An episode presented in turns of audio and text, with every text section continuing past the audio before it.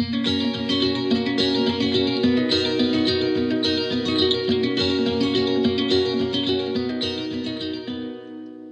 til Danske Bankers, podkasten for deg som vil vite hva som rører seg i markedet fra uke til uke. Mitt navn er Fredrik Ask Stensrud, og med meg som vanlig har jeg vår sjefstrateg Christian Lie. Velkommen, Christian. Takk for det. Vi skal som vanlig gå gjennom de viktigste tingene som har skjedd denne uken, og de viktigste tingene som skjer neste uke. Men før det tenkte jeg bare skulle ta et kort fakta om januareffekten, og siden vi snart er over i eh, februar. Den effekten eksisterer da ikke lenger. Eh, men det skal sies at eh, SMP 500 i statene, den indeksen har vært opp 76% av kalenderårene fra 1951 til 2017.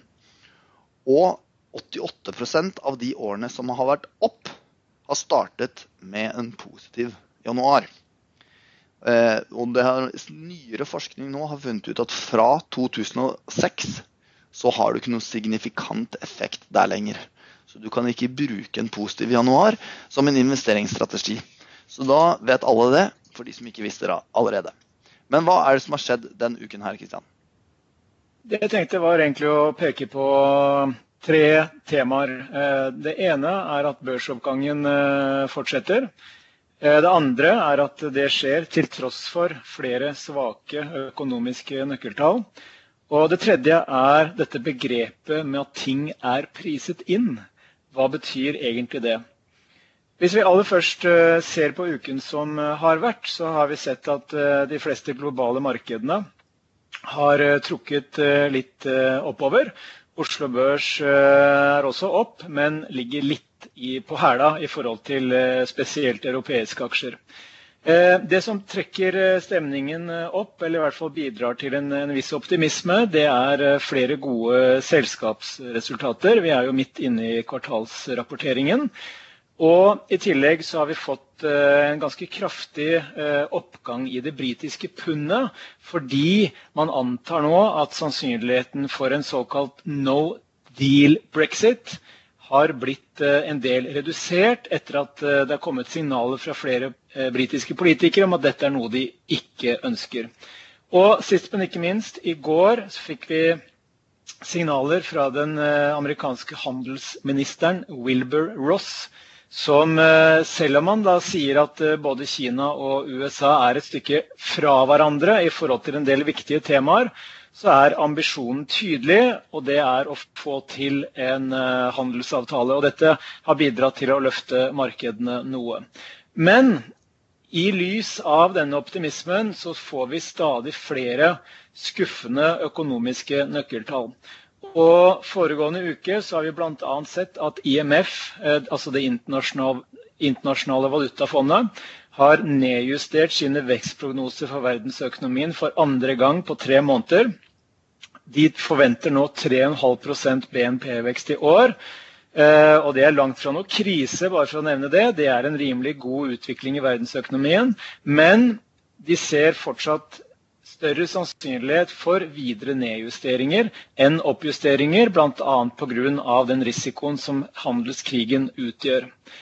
Vi har også hatt rentemøte hos Den europeiske sentralbanken. og i Europa og eurosonen spesielt så har jo nøkkeltallene vært eh, kanskje de mest skuffende Eh, i verden så langt i år, med tanke på stadig flere indikatorer som peker i retning av svakere økonomisk aktivitet. Og På rentemøtet nå så innrømte Mario Draghi, sentralbanksjef i, i Den europeiske sentralbanken, eh, at vekstutsiktene har blitt svakere.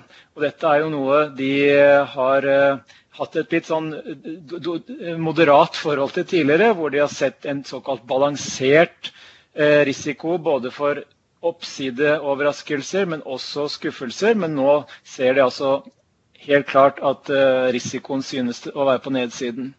De gjorde ingen endringer i rentene sånn sett, men Sannsynligheten for at ECB skal heve renten i løpet av 2019, har i hvert fall slik markedet ser det, blitt betydelig mindre. Det vi også har fått av nøkkeltall den siste tiden, er jo BNP-tall fra Kina, som da indikerte en vekst på 6,6% i kinesisk økonomi i 2018. Og selv om 6,6% BNP-vekst fortsatt er et høyt nivå sammenlignet med mange andre regioner, så var dette den svakeste BNP-veksten i Kina siden 1990. Eh, det vi også har sett, er eh, flere skuffende tall for eksportvekst fra mange deler av verden. Ikke bare Kina, men også land som eh, Japan, Sør-Korea osv. Som indikerer at uh, dette er ikke bare snakk om en reaksjon på handelskonflikten mellom USA og Kina, men som også reflekterer noe uh, som kan minne om svakere etterspørsel uh, i verdensøkonomien samlet sett. Kristian, du skriver her på punkt 1 fortsatt godstemning på børsene. Skriver du, og så bare spyr du ut den dårlige nyheten etter den andre? Ja, det er jo altså, finansmarkedene er jo litt spesielle. og det er, det er, derfor jeg kommer til dette tredje punktet mitt, med at ting er priset inn. Men la meg nå bare uh, fullføre denne tiraden min. Uh, men hvis vi ser på uh, oppsiden fremover her, hvis vi ser på det som kan gå den riktige veien, så er heller ikke det ting vi skal undervurdere. fordi at Gjennom de neste månedene så mener jo vi at det er 75% sannsynlighet for at vi får en handelsavtale mellom USA og Kina. I løpet av de neste månedene så er det høy sannsynlighet for at vi får en avklaring på brexit, hvor vi mener det er høyest sannsynlighet for at vi får en ryddig ordning med en avtale. Og sist, men ikke minst, så er det også høy sannsynlighet for at vi etter hvert får slutt på denne delvise nedstengningen av offentlige etater i USA, eller såkalt shutdown, som vi sier på Hamar. Eh, selv om det ennå ikke er tegn til eh, noen forsoning mellom demokratene og Trump. Og spesielt en handelsavtale tror vi etter hvert vil kunne løfte stemningen. Men som jeg har vært ute og, skrevet om og, snakket om, så tror vi at ting kan bli litt verre før det blir bedre igjen. Bl.a. fordi dette makroøkonomiske bakteppet fortsetter å være på den svake siden. Men jeg reiser mye rundt og holder eh, presentasjoner og viser mine skumle grafer eh, til, til, kunder og andre interessenter. Og det som slår meg ofte, det er jo at når man ser på disse pilene, f.eks. disse kjære PMI-ene som vi har snakket om eh, tidligere, Fredrik, mm. så peker jo de fleste PMI-ene nedover. Og Da kan man tenke intuitivt at det betyr at aksjemarkedet kommer til å falle mer. Men det er ikke så enkelt. fordi det vi ser nå i de økonomiske nøkkeltallene, det er jo egentlig det samme som alle som investerer i aksjemarkedet eller finansmarkedene, er klar over allerede. Dette er jo informasjon som de aller, aller fleste har tilgang til, og som man da rekker å reflektere over. Og noen investorer vil jo tenke at eh, det kommer til å bli bedre enn det disse nøkkeltallene tilsier. Noen tror det kommer til å bli som forventa, mens andre tror det blir verre. Så Ergo så er all den informasjonen som vi har tilgang til nå, den er til en viss grad allerede priset inn i aksjekursene. Og Spørsmålet er derfor hvem er det som får rett? Er det optimistene eller pessimistene? Det vet vi jo ikke ennå. Men vårt syn er i hvert fall at ting kommer ikke til å utarte seg til en krise i 2019. Og så lenge vi ikke får en krise, så har faktisk ikke aksjemarkedet falt to år på rad historisk. Hvis man ser på amerikanske aksjer f.eks. To år på rad med kursfall det har man egentlig bare sett i resesjonsperioder. Og vi ser ikke tegn til resesjon i amerikansk økonomi i 2019. Så Mye av det som skjedde i aksjemarkedet gjennom fjerde kvartal i fjor, de kursfallene, de reflekterte jo egentlig mye av det vi ser av økonomiske skuffelser nå. Så egentlig blir det ikke litt verre før det blir litt bedre? Det bare blir litt bedre? På sikt så tror vi det. Men det kan jo være at de makroøkonomiske pilene som nå peker ned, de skal fortsette å peke ned eh, en stund til før de begynner å snu oppover. Og Da er det jo rom for at en del av de som har vært optimister, de blir på marginen litt mindre optimistiske, og at det kan føre til mer turbulens i markedene før vi får en mer ordentlig oppgang. Da sier vi som Mario Draghi the risk is on the downside. Det var akkurat det han sa. Yes. Men hva skjer neste uke?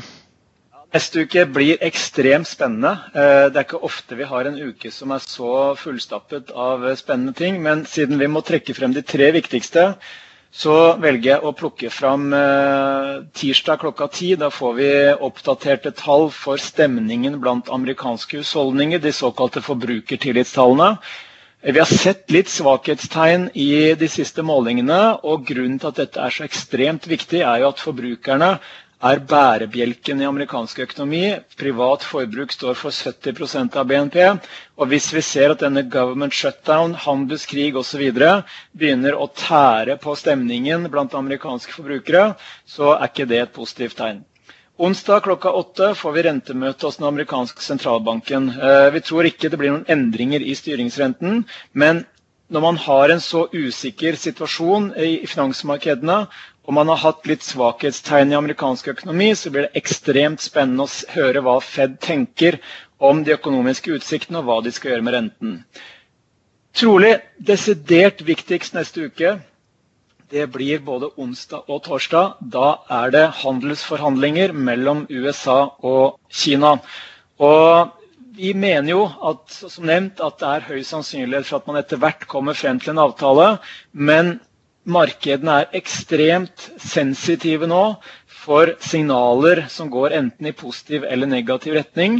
Og som vi vet, politikerne er uforutsigbare. Kina og USA på hver sin side har en del temaer som er rimelig betente, som skal diskuteres. og Derfor så blir det som nevnt veldig, veldig spennende å se hva som kommer ut av disse forhandlingene. Absolutt. Takk skal du ha, Christian. Eh, jeg skal oppsummere de viktigste tingene for neste uke, og også ta markedsbevegelse de siste fem dager. Men før det så må vi jo til eh, vår eh, konkurranse. Aksjeolympiaden 2019, som for øvrig har startet helt grusomt. Men det er altså da en konkurranse, og jeg understreker at det her er bare fiktive tipp og bet som jeg og Christian gjør fra uke til uke. Men vi har da i hvert fall et knippe indekser som vi kan velge å gå long eller short i fra uke til uke, og så vi hvem som gjør det best på slutten av året. Men forrige uke så gikk du long Dagsen i Tyskland, Christian, mens jeg gikk short eh, Oslo Børs. Nå har vi faktisk klart å få positiv avkastning begge to. På, du har 2,4 i eh, positivt terreng på din long-posisjon i Dagsen, og jeg er positiv med 0,9 på min short-posisjon i eh, OECBX. Eh, og status er da at jeg er opp 1,2% totalt for de tre første ukene, mens du er opp 9,3% faktisk eh, de tre første ukene, som jo sies å være sterkt. Det får vi se om holder. Så da er spørsmålet, Christian, hva ønsker du å gjøre for neste uke? Jeg tror eh, at vi kommer til å se enkelte skuffende reaksjoner blant investorene på disse nøkkeltallene vi allerede har fått. Pluss at jeg tror det kan komme noen kjepper i hjulene eh, rundt eh, handelsforhandlingene. Så jeg velger å gå short i Dagsen nå. Du shorter Dagsen. Ettersom jeg shorta Oslo Børs forrige uke, så kan jeg jo ikke ta den posisjonen om igjen. Det er egentlig den jeg har mest lyst til å ta, men da shorter jeg brikkindeksen. For de som ikke vet hva brikke er, så er det Brasil, Russland, India og Kina. Yes. De viktigste sakene neste uke det gjelder markedsbevegelse tar jeg først. Markedsbevegelser da siste fem dager. Oslo Børs opp en halv prosent. SMP 500 i USA opp 1% Eurostox 600 opp 2% og oljeprisen ned 2 Tre viktigste sakene for neste uke er uh, forbrukertillit fra USA på tirsdag klokken ti. Rentemøte i Fed på onsdag klokka åtte. Og så har vi handelsfor, uh, handelsforhandlinger mellom Kina og USA onsdag og torsdag. Det er et vanskelig ord, det der. Ja, det var det. Men eh, takk til deg, Kristian. Eh, og det var alt vi hadde i eh, denne ukens episode av Danske Bankers. Vi høres.